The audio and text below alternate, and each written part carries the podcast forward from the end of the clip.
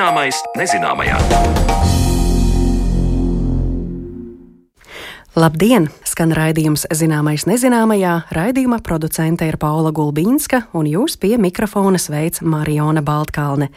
Mēs šīs dienas raidījumā runāsim par dzīvniekiem, kuri savu dzīvi aizvada ļoti atšķirīgos platuma grādos, un katri ir atraduši iespēju, kā pielāgoties temperatūrai un klimatam tieši konkrētajā vietā.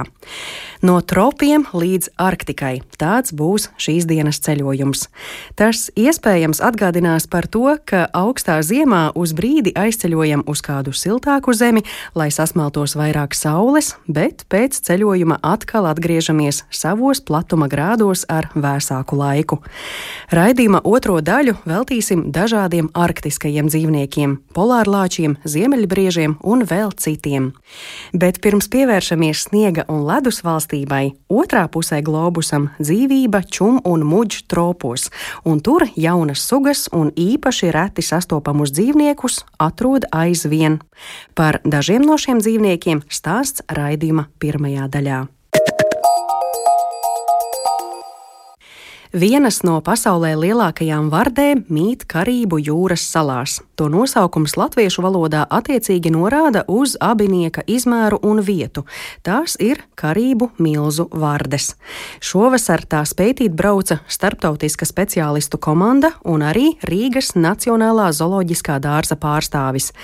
Iemesls - Karību milzu varžu populācija strauji sarūk nāvējošas sēnīšu infekcijas dēļ.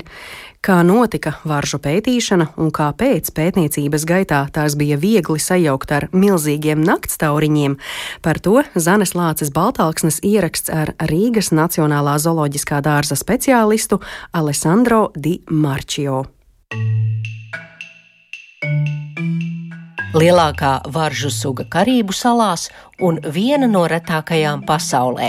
Vārdis, ko angliski dēvē par mountain chicken, jeb kalnu vistām, jo savulaik tās bija iecienītas kā garda maltīte un pagatavotas šīs vārdas pēc garšas ir atgādinājušas vistas gaļu.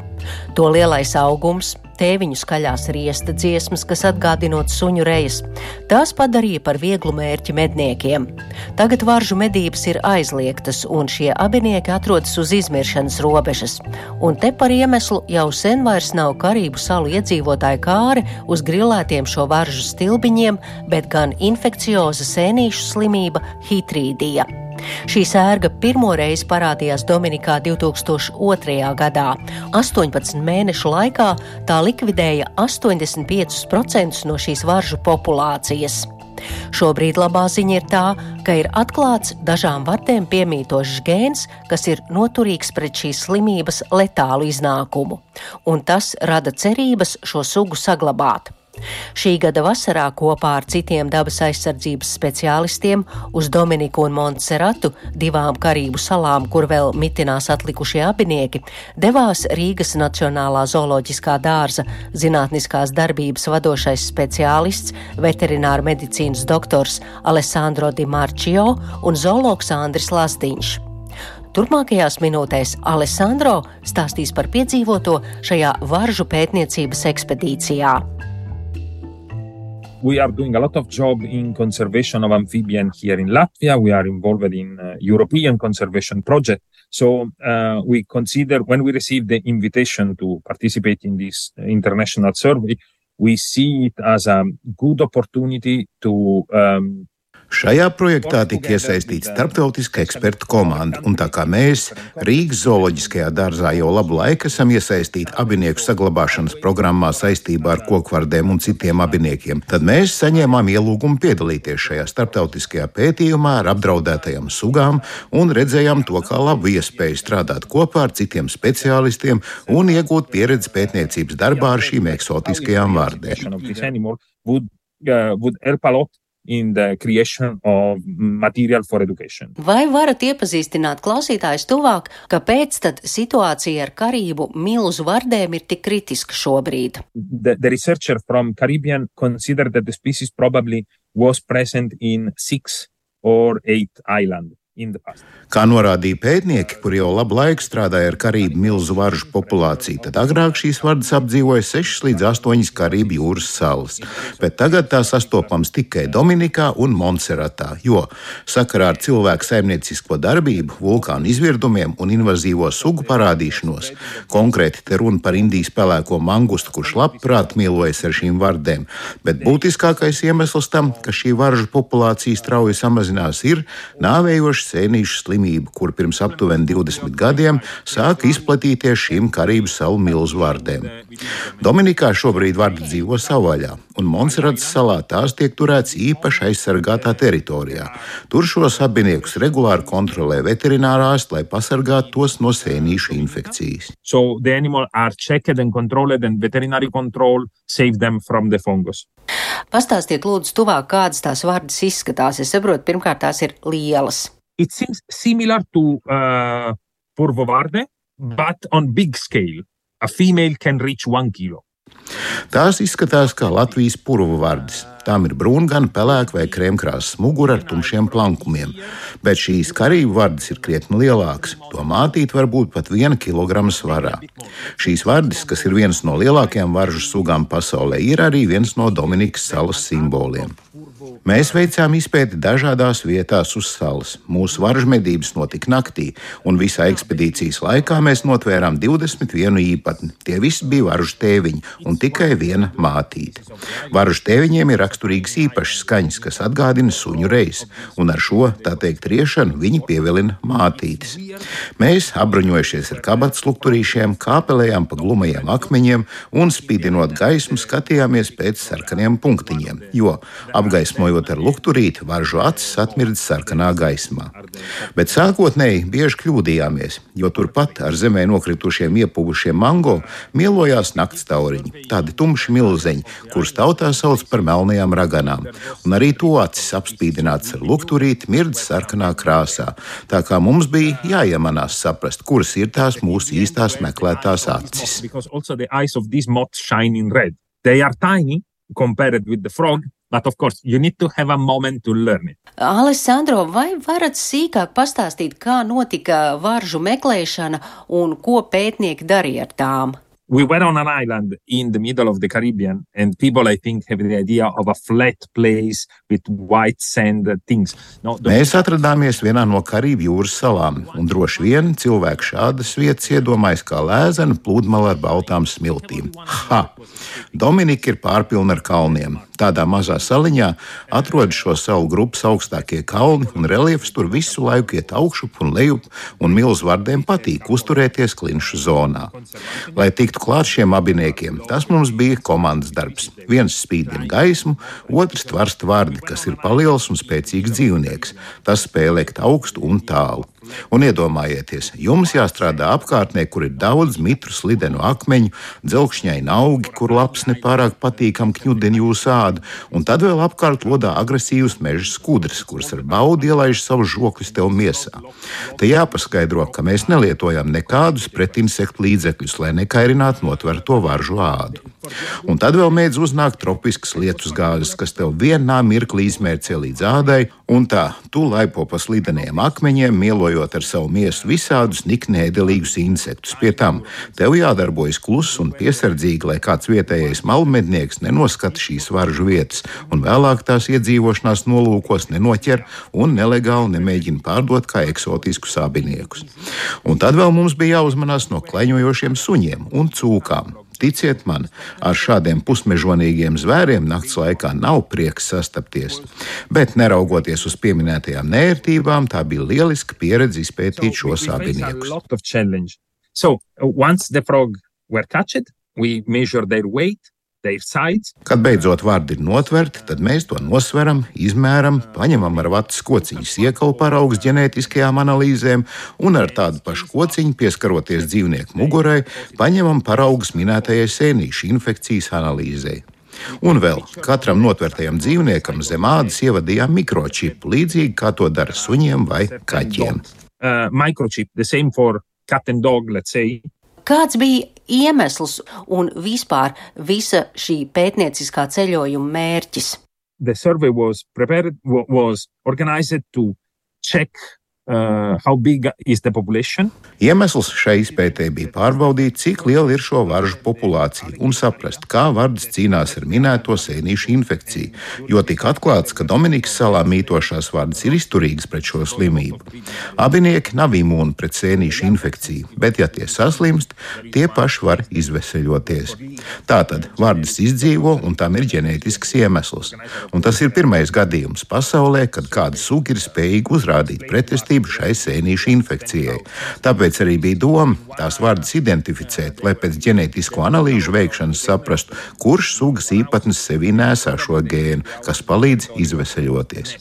Un tālāk jau nākotnes plānos ir nebrīvē radīt jaunu populāciju ar šo atveseļošanās gēnu, un pēc tam šādas vārdas palaist savvaļā Karību salās. So semi-captivity population capable to resist to the fungus let them grow in captivity and release them in the wild.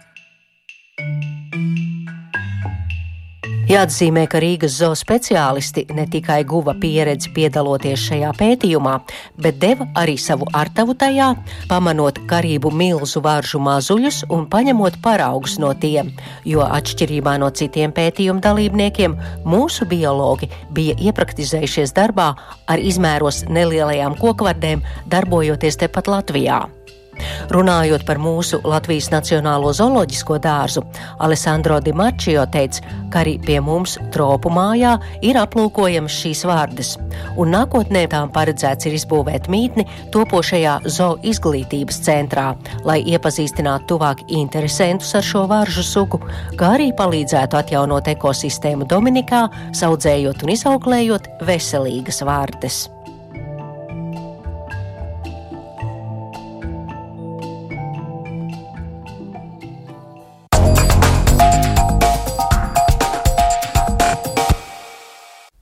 Pirms brīža iepazinām tropu vardes, un šo materiālu veidoja Zane Lāce Baltāksne. Bet tālāk velkam siltus zābakus un jaku un attālināti dodamies uz arktiskajiem reģioniem, lai sastaptos ar turienes dzīvniekiem. Música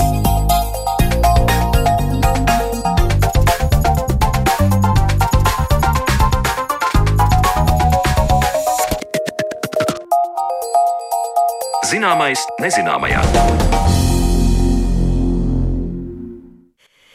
Daba ir unikāla savā spējā pielāgoties, īpaši, ja runājam par vietām, kur ilgstoši jācieš visai skarbi apstākļi.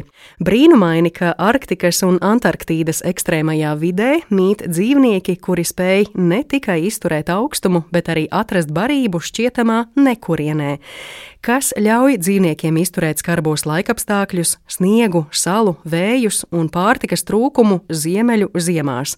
Ar kādām īpašām spējām ir aprīkoti ziemeļbrieži un citi arktiskie dzīvnieki. Redze, oža, īpašs kažoks un termoizolācija zemādā - to visu iepazīstam šajā raidījumā. Un uz sarunu Šoreiz gan siltumā un telpās, nevis arktiskos apstākļos, mēs tiekamies ar Rīgas Nacionālā zooloģiskā dārza pārstāvi Māri Lielkalnu. Labdien, Māri! Labdien!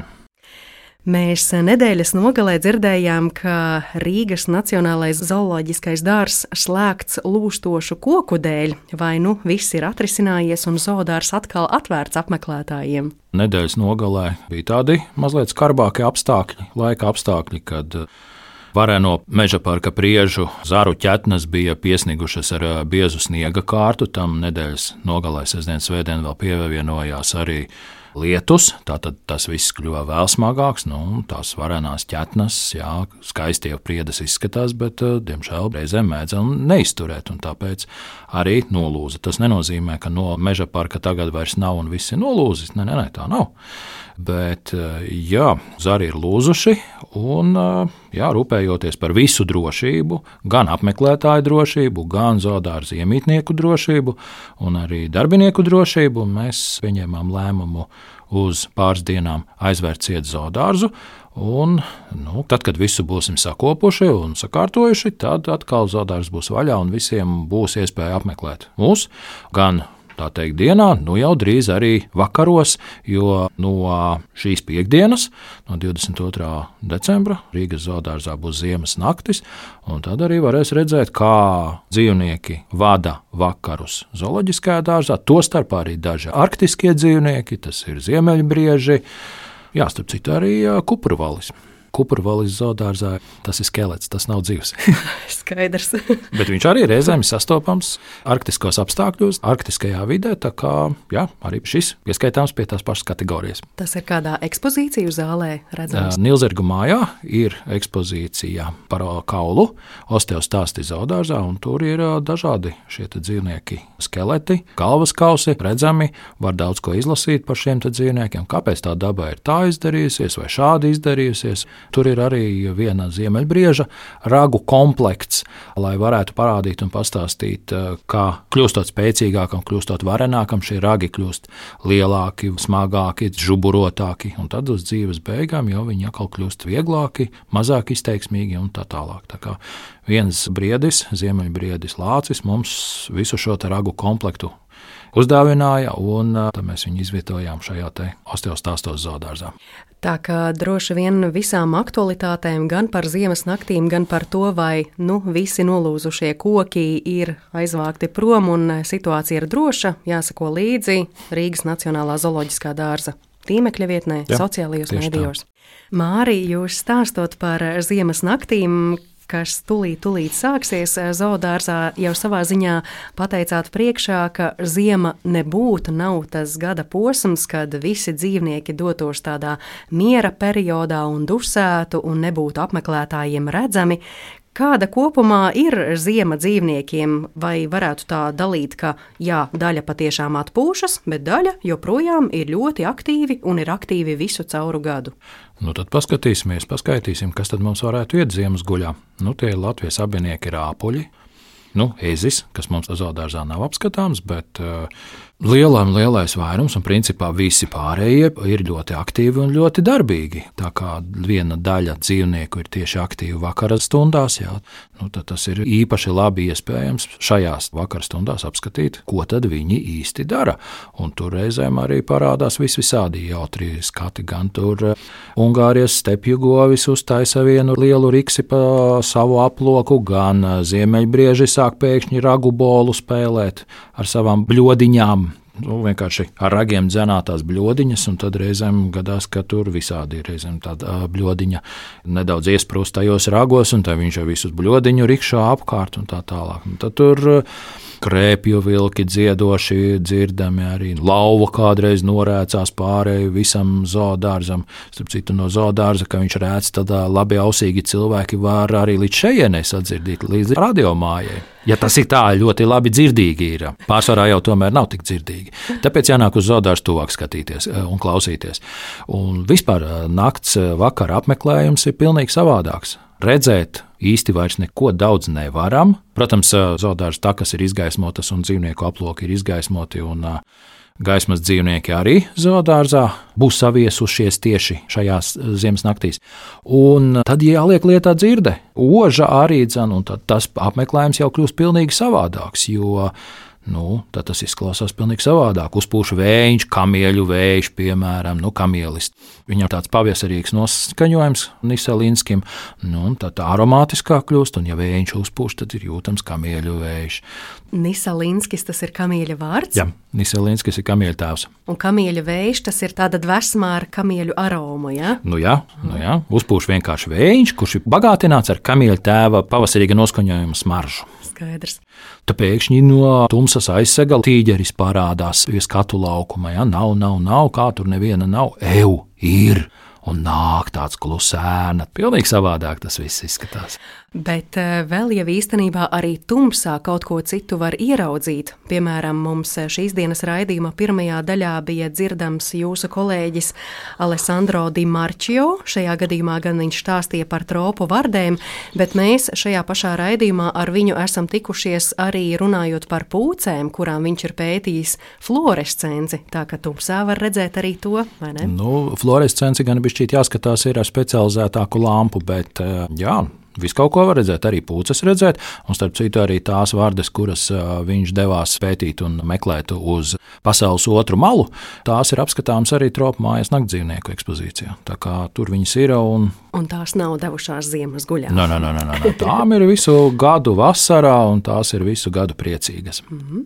Par kauliem jau stāstījāt, par kupravali, bet, ja runājam par tiem dzīvajiem dzīvniekiem no Arktikas reģiona, kas šobrīd apdzīvo Rīgas Nacionālo zooloģisko dārzu? Ziemeļbrieži, pūces. Baltā pūce ir tieši no tā apgabala, Reizēm kādas baltās pūces atlido arī līdz Latvijai, savainieki tieši. Nu, tad jau šeit viņiem ir siltās zemes. Nu, pārmērīgi daudz šobrīd nav tieši pašu Arktikas dzīvnieku. Bet tie paši ziemeļbrieži? Jā, jā, ziemeļbrieži, ziemeļbrieži baltās pūces. Jā, Kā ar roņiem? Roņus mēs varam uzskatīt par arktiskiem dzīvniekiem. Viņiem tur tādi tauciņi pamatīgi, lai izdzīvotu no, salā. Katrs dzīvnieks pielāgojās tam, lai varētu ņemt un izdzīvot atbilstošajā vidē. Protams, arī roņi, tieši pelēkais ronis varbūt ne tik daudz ir tieši ar Arktiku vairāk saistīts, bet otra suga, kas reizēm mums pavasaros nonāk zoodārzā kā mazulis, tas ir pogainais ronis, tas, jā, tas gan ir arī tālu ziemeļos, un tas ir viens no dzīvniekiem, kuru baltais lācis, jeb ledus lācis, arī labprāt medīja un mielojas ar viņu, un tas viņam palīdz izdzīvot arī šajos skarbajos apstākļos. Savulaik mūsu zoodārzā šķiet bija arī leduslāči. Jā, jā, jā. jā bija. Tagad vairs nav sastopami. Nu, leduslācis Romeo ir beidzis šīs zemes gaitas. Un tagad nav jā, bet, uh, ja mēģina atbildēt uz jautājumu, kāpēc tas ir un kāpēc tas nav, vienkārši pasaulē ir vairāk nekā miljons dzīvnieku sugu. Un mūsu hektāros tos vienkārši nevar tā vienkārši salikt. Mm -hmm. Bet sakiet, piemēram, ja leduslācis atkal atgrieztos Rīgas Nacionālajā zooloģiskajā dārzā, vai tie apstākļi, ko mēs tam varētu nodrošināt, būtu piemēroti viņa masai, izmēriem? Nu, tad tie atbilstoši ir jāizveido. Tātad pirmais uzdevums, līdz ko mēs izlēmām kādu dzīvnieku turēt, tad mums ir jānodrošina viņam atbilstoši dzīves apstākļi. Tas ir atbilstošā māja, atbilstošs aploks, lieluma aploks un iekārtojuma aploks. Ja, un tad, tad atbilstoši tam arī tiek darīts viss. Un baltais lācis. Ja leduslācis ir liels dzīvnieks, viņam vajag arī lielu teritoriju. Tā ir pamatīga kapitāla būve bet ne, neiespējami. Nē, nē, nē, tas nav neiespējams. Vienīgi šobrīd mēs tā kā balto lāci īsti nē, toties plānos ir kādi citi lāči, lāču sugas, kas ir vairāk no dienvidiem. Nu, tās būs, bet tās tad ar laiku. Starp citu, daži lāči mums ir. Degunlāči. Labi, tad būtu tālāk interesanti saprast arī kādas nianses, kā tad šie dažādie dzīvnieki pielāgojas arktiskajiem skarbajiem apstākļiem. Mēs jau te par tauku slāni ronim runājam, un es ticu, ka tas ir aktuāli arī citiem dzīvniekiem, bet eh, sāksim ar arktiskajiem putniem, pūcēm, ko mēs jau pieminējām. Kā tad šie putni vada šos skarbos apstākļus arktiskajās ziemās? Ko tās atrod kā ēdamu, vai tās vispār guļ un kur guļ? Guļ, ik viens dzīvnieks guļ. Nu, diennakts ritmā tas tā ir eh, ieprogrammēts, ka kaut kādu laiciņu, īsāku, garāku, viņi guļ. Tundrā un arī Arktikā. Tad eh, par Arktiku runā dažādi, bet Arktika ir tas reģions, kurā pašā siltākajā mēnesī Vidējā temperatūra jūlijā ir zemāka par 10 grādiem. Tad, tad jāsaprot, ir tas, ka tur ir vienkārši augsts. Ir vēl arī daži citi mēģinājumi noteikt tad, pēc ziemeļa polārā loka un tam līdzīgi, bet nu, tā ir šī vieta. Un blakus tālāk jau nāk bišķītiņi tā kā siltāks. Nu, lūk, un šajos skarbajos apstākļos koku nav, tāpēc līgstas ir jāveido uz zemes un jābarojās ar to, kas ir.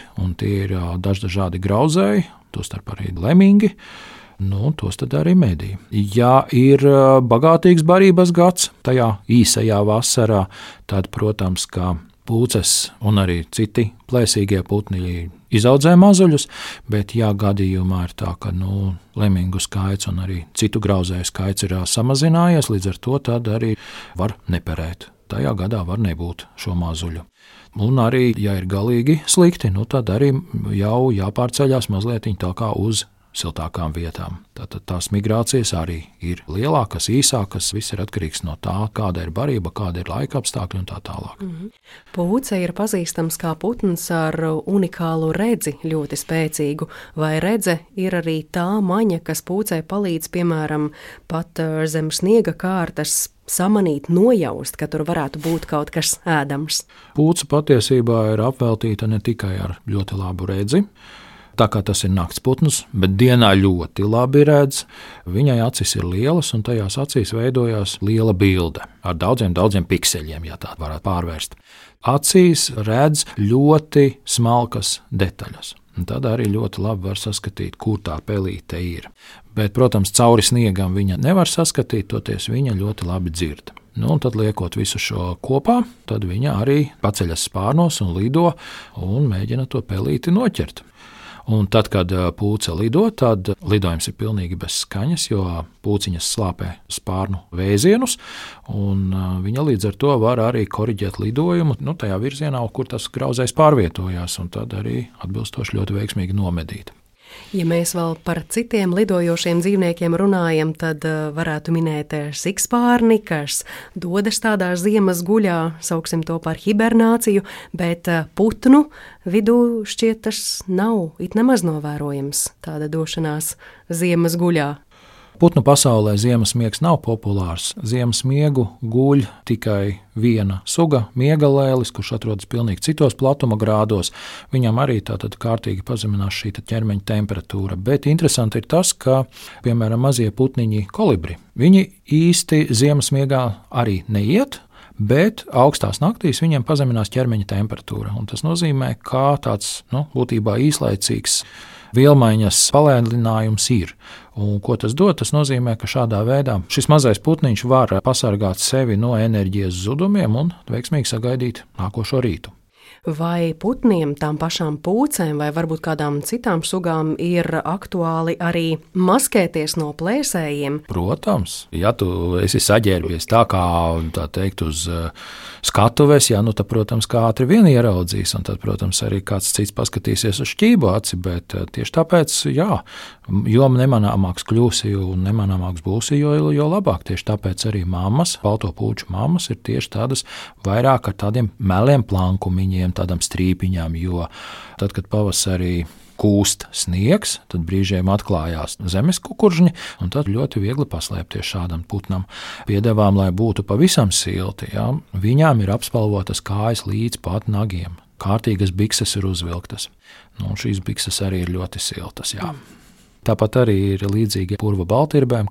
Purva baltirbes gan vasarā kļūst mazliet citādākā krāsā, bet nu, baltā pūce ir vienādi balta visu laiku. Un tāpat vēl arī daži zvēri maina krāsu, Piemēram, baltais zaķis, kas arī dzīvo ziemeļos, tad ziemā viņš ir pilnīgi sniegbalts un īsti pat saskatāms nav. It sevišķi, ja nekustās. Viens melns punkts acis redzama, bet tas arī ir viss. Nu, savukārt vasarā šāds balts atkal nebūtu piemērots. Nu, tieši tāpēc viņš nomaina šo savu kažoka krāsu kļūst pavisam tāds brūnīgs. Arī Latvijā dzīvo baltie zaķi. Un iedomājieties, tagad viss sniegs mums tagad ir nokusis, un baltais zaķis skraida balts apkārt. Jā, tas atkal viņam īsti nav patīkami un nav piemērots. Jā, tā viņš ir. Vai kādi no šiem pieminētajiem dzīvniekiem arī, piemēram, Arktikas sniegos ierokas, lai paslēptos, lai sasildītos? Mm, jā, lācis.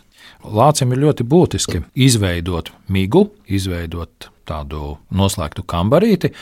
Papučiem nē, bet māmām ir ļoti svarīgi, jo tās ir grūsnas, gaida mazuļus, un parasti ziemas pelgonī tad šie mazuļi arī ierodās. Nu, lai tad neviens viņu netraucētu un viss būtu mierīgi un kārtīgi, tad arī viņas iet ziemas guļā savā midzenī, un tad šajā midzenī arī dzimst mazuļi. Bet tas nenozīmē to, ka mamma pavasarī pamostās, vai ne? Un, oi, kas tā te man tagad ir apkārt blakus? Nē, nē, nē tā nenotiek.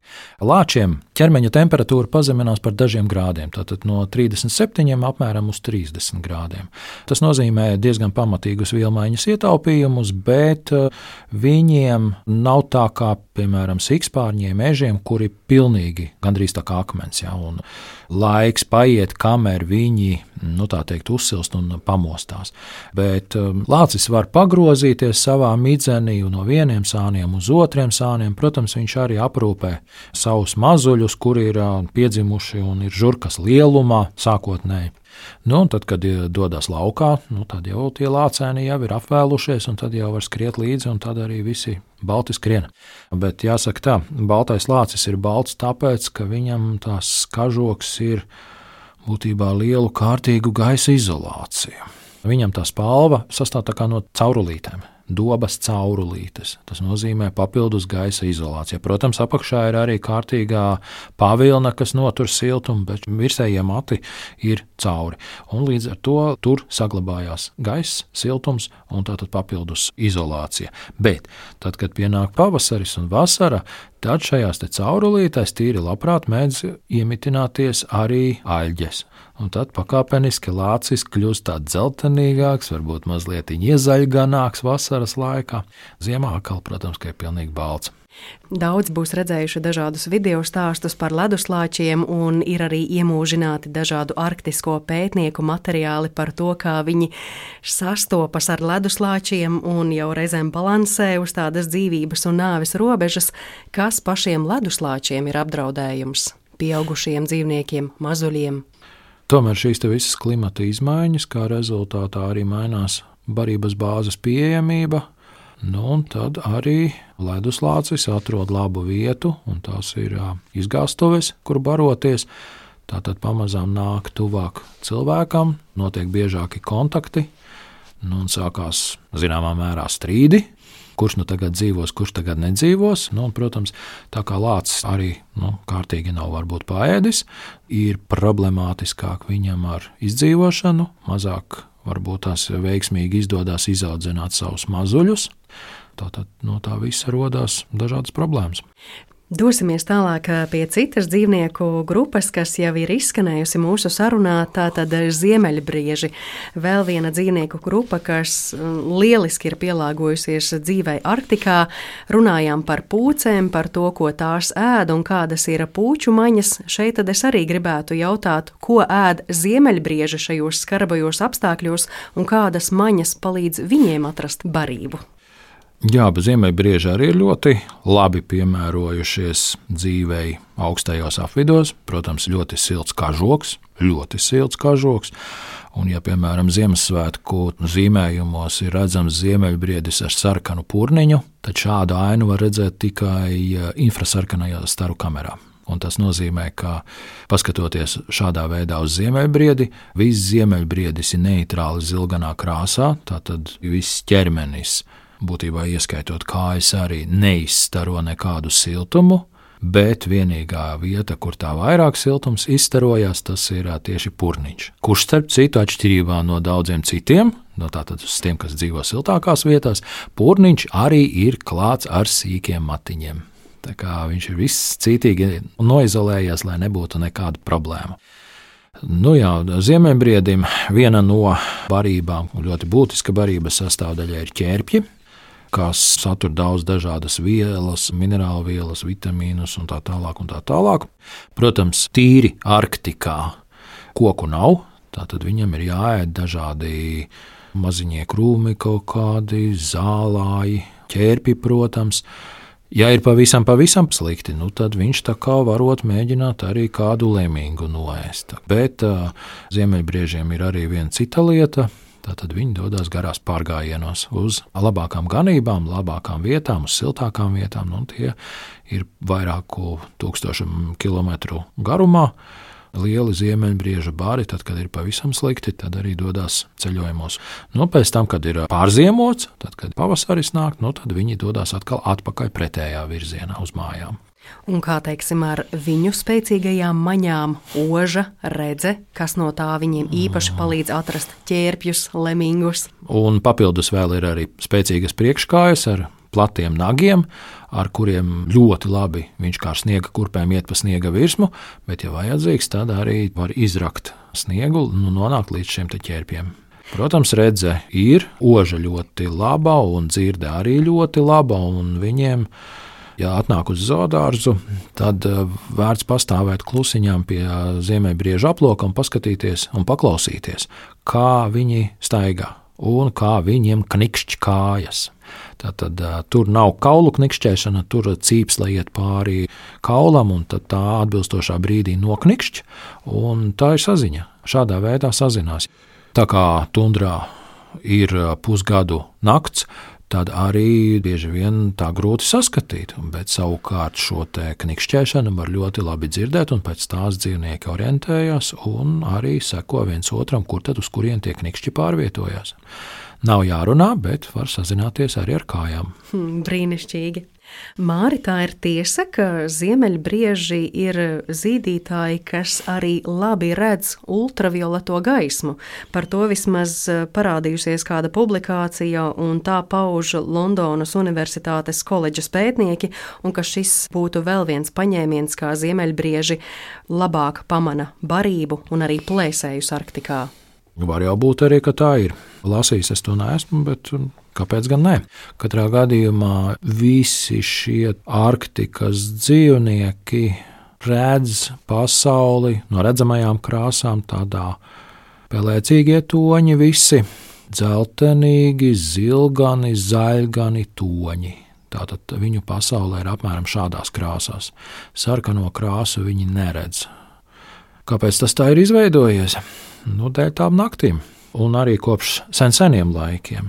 Viņi dzīvoja tajā laikā, nu, viņa priekšteči, pareizāk sakot, dzīvoja tajā laikā, kad valdīja dinozauri. Dinozauri staigāja pa dienu, savukārt šie te nobijušies sēdēja pa dienu alās, vai slēptuvēs un izlīda ārā tikai naktīs. Tāpēc arī šeit sarkanie toņi īsti nebija vajadzīgi skatīties, un tāpēc laika gaitā izveidojās šie krāsu redze bez sarkanajiem toņiem.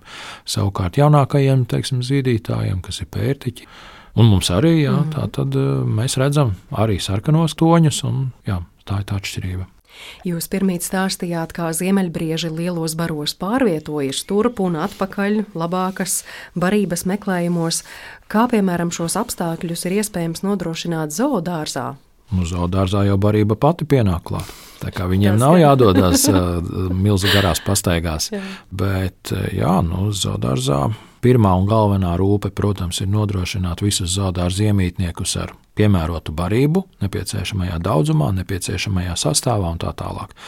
Un tāpēc arī šos ķērpjus mēs neejam uz mežu lasīt. Paši ķērpjus mēs ievedam no Somijas, izžāvētus, sapresētus. Ir speciāli firmas, kas nodarbojas ar šo ražošanu, un tad arī tiek piegādāts. Nu, tad mēs atkal savukārt atbilstoši sagatavojam to visu, mērcējam ūdenī, lai paliek mīksti, jo tajā brīdī, kad viņi ir izžāvēti, tad ir trausli, kā mēs labi zinām. Izmērcējam, viņi piebriest, paliek mīksti, garšīgi, un tad jau ik viens zemēbriedis zina, ka tajā brīdī ir jāiet ciemos pie kopējā, un tur noteikti jāprasa. Nu, tieši tāpēc ir tās daudzās barotavas, lai viņi savā starpā, piemēram, nestrīdētos, kuru pēc tam tad, nu, dažs labs ziemeļbriedis izmanto ragu bolu spēlēšanai. Šie ragi, starp citu, droši vien noder ne tikai ragu bolam, bet kaut kādā ziņā arī komunikācijai. Tā varētu būt. Jā, protams, jo spēcīgāks briedis, jo varenāki ragi un ziemeļbriedim tiešām ir ļoti vareni ragi. Tāpēc izmēra viņi ir otri lielākie pasaulē ragi. Pēc absolūtās kategorijas un absolūtā vērtējuma tas ir alnim ir vislielākie, tad ir ziemeļbriedis, bet savukārt relatīvi rēķinot, tātad attiecībā pret savu ķermeņa masu, ziemeļbriedim ir vislielākie ragi. Tad salīdziniet aļņa masu un ragus, kuri ir tā kā līdz 35 varot būt. Nu, un tad ziemeļbrieži. Nu, mūsējiem briežiem ir tā 7, 8 apmēram kg, ja, bet nu, savukārt ziemeļbriedis īsti nav tik liels. Ziemeļbriežu rāgi joprojām ir tāds mednieku iekāres objekts. Briežu rāgi jau jebkurā gadījumā ir mednieku intereses objekts. Pat tiem, protams, interesējās. Jā. Mm. Māri, šis jautājums iespējams būtu jāuzdod nevis eh, rūtītam zoologam, bet eh, kādam folkloras pārstāvim, un tomēr es atļaušos pajautāt, vai visā ziemeļbrieža fizioloģijā, ēšanas paradumos, dzīvesveidā ir kaut kas, ko Ziemassvētku stāsta veidotāji būtu aizņēmušies, lai galu galā arī izveidotu šo stāstu, ka ziemeļbrieži kopā ar Ziemassvētku vecīti paceļas un lido debesīs. Nu, Ziemassvētku vecītis jau ne ar ko citu īsti nevarētu lidot, jo galu galā Ziemeļbriedis tomēr ir viņa reģiona iemītnieks. Nu, būtu tā kā mazliet jocīgi, ja viņš mēģinātu, piemēram, ar pingvīniem lidot. Tā kā pirmkārt ziemeļbriedis ir ļoti izturīgs, un tāpēc viņš mierīgi varētu veikt tādus milzīgus gabalus, jo galu galā pāris tūkstoši kilometru pārgājieni tas ir normāla lieta. Un, ja tā mazliet viņu uz Ziemassvētkiem piespiežās, tad jau ir jā. Bet eh, reizēm, nu, ja tā zeme ar debesīm griežās kopā un viss ir aptuveni vienāds, tad jau tur var atkal sākt domāt, vai tas ziemeļbriedis ir pa zemi, vai jau bišķītiņi ir augstāk. Katrā gadījumā pa sniega virsmu viņš staigā ļoti mierīgi un ļoti labi galu galā. Nu, cits pārnadzis tur iegrimtu iekšā sniegā, bet ziemeļbriedim tas nav problēmas. Viņš iet pa virsmu un priecīgs. Vēl viens dzīvnieks, par kuru es gribētu pajautāt, eh, mūsu zoodārzā tas šķiet eh, sastopams nav, bet, protams, arktiskajos reģionos ir polārlapsas. Ar ko šo dzīvnieku fizioloģija vai pielāgošanās arktiskajiem apstākļiem būtu īpaša? Vai tur arī stāsts ir par kažoka maiņu, tauku slāni vai kādiem citiem paradumiem?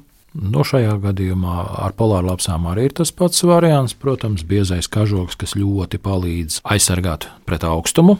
Atšķirībā no dažiem citiem, teiksim, viņai ir ļoti gara un kupla aste, arī ļoti labi apmatota. Nu, tā tiek izmantota kā papildus sega. Vispār ziemeļu dzīvniekiem ir nu, tādas īsas astes, salīdzinoši nelielas apaļas ausis. Tas ir tādēļ, lai caur šīm vietām īpaši siltums neizdalītos. Nu, tā kā lācis, piemēram, jā, ziemeļbriedis pat uh, tie paši lēmīgi, īsas austiņas, kuras gandrīz virs kažoķeļa nav saskatāmas, jā, astīte īsiņa, lai lieki neatdotu siltumu. Protams, arī kārtīga tauku kārtiņa, kurai pa visu ķermeni izvietota. Tā tad noklāts viss ķermenis, ne tikai daži reģioni, kā dažiem citiem, piemēram, tam pašam kamielim, tikai pie kupriem visi tauki krājās.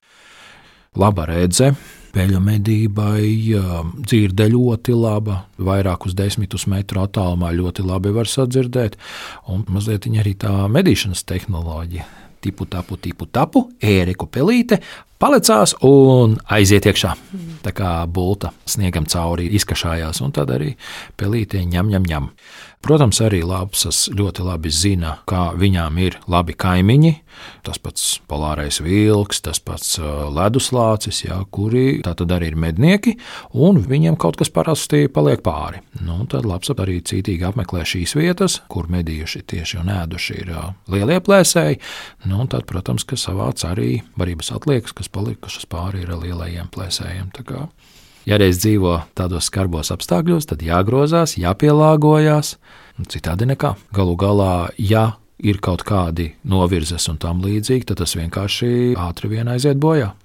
Un, ja mēs vēl iemestu acīm otrā zemeslodes polā, Antarktīdā, droši vien tas stāsts būtu līdzīgs, vai ne? Mēs tāpat runātu par lieliem tauku slāņiem, dzīvniekiem, bet tur tie ekstrēmi ir vēl, vēl lielāki. Nu, iedomāsimies pingvīnus. Antarktīdā ir krietni zemākas temperatūras nekā Arktikā. Tur dzīve ir diezgan sūra, bet eh, jāsaka tā, ne jau tikai tas, kas atrodas virs zemes. Virs ūdens ir ļoti īpašs arī, protams, izrādās paši lielākie mm, dzīvnieki pasaulē, tie ir vaļi, Tie arī sastopami ne tikai siltajās vietās, bet arī Antarktīdas piekrastē, gan arī Arktikā. Un šajās augstajos ūdeņos viņos ir ļoti daudz vēžveidīgo un citas barības. Tā kā viņi tieši dodas uz šiem polārajiem apgabaliem, uzbaroties. Un tad, tam, tad, kad pienāk īstais laiks vairoties, nu, tad viņi dodas uz tām siltajiem reģioniem. Tā kā nu, arī ūdeņos ir ļoti daudz dažādas interesantas lietas.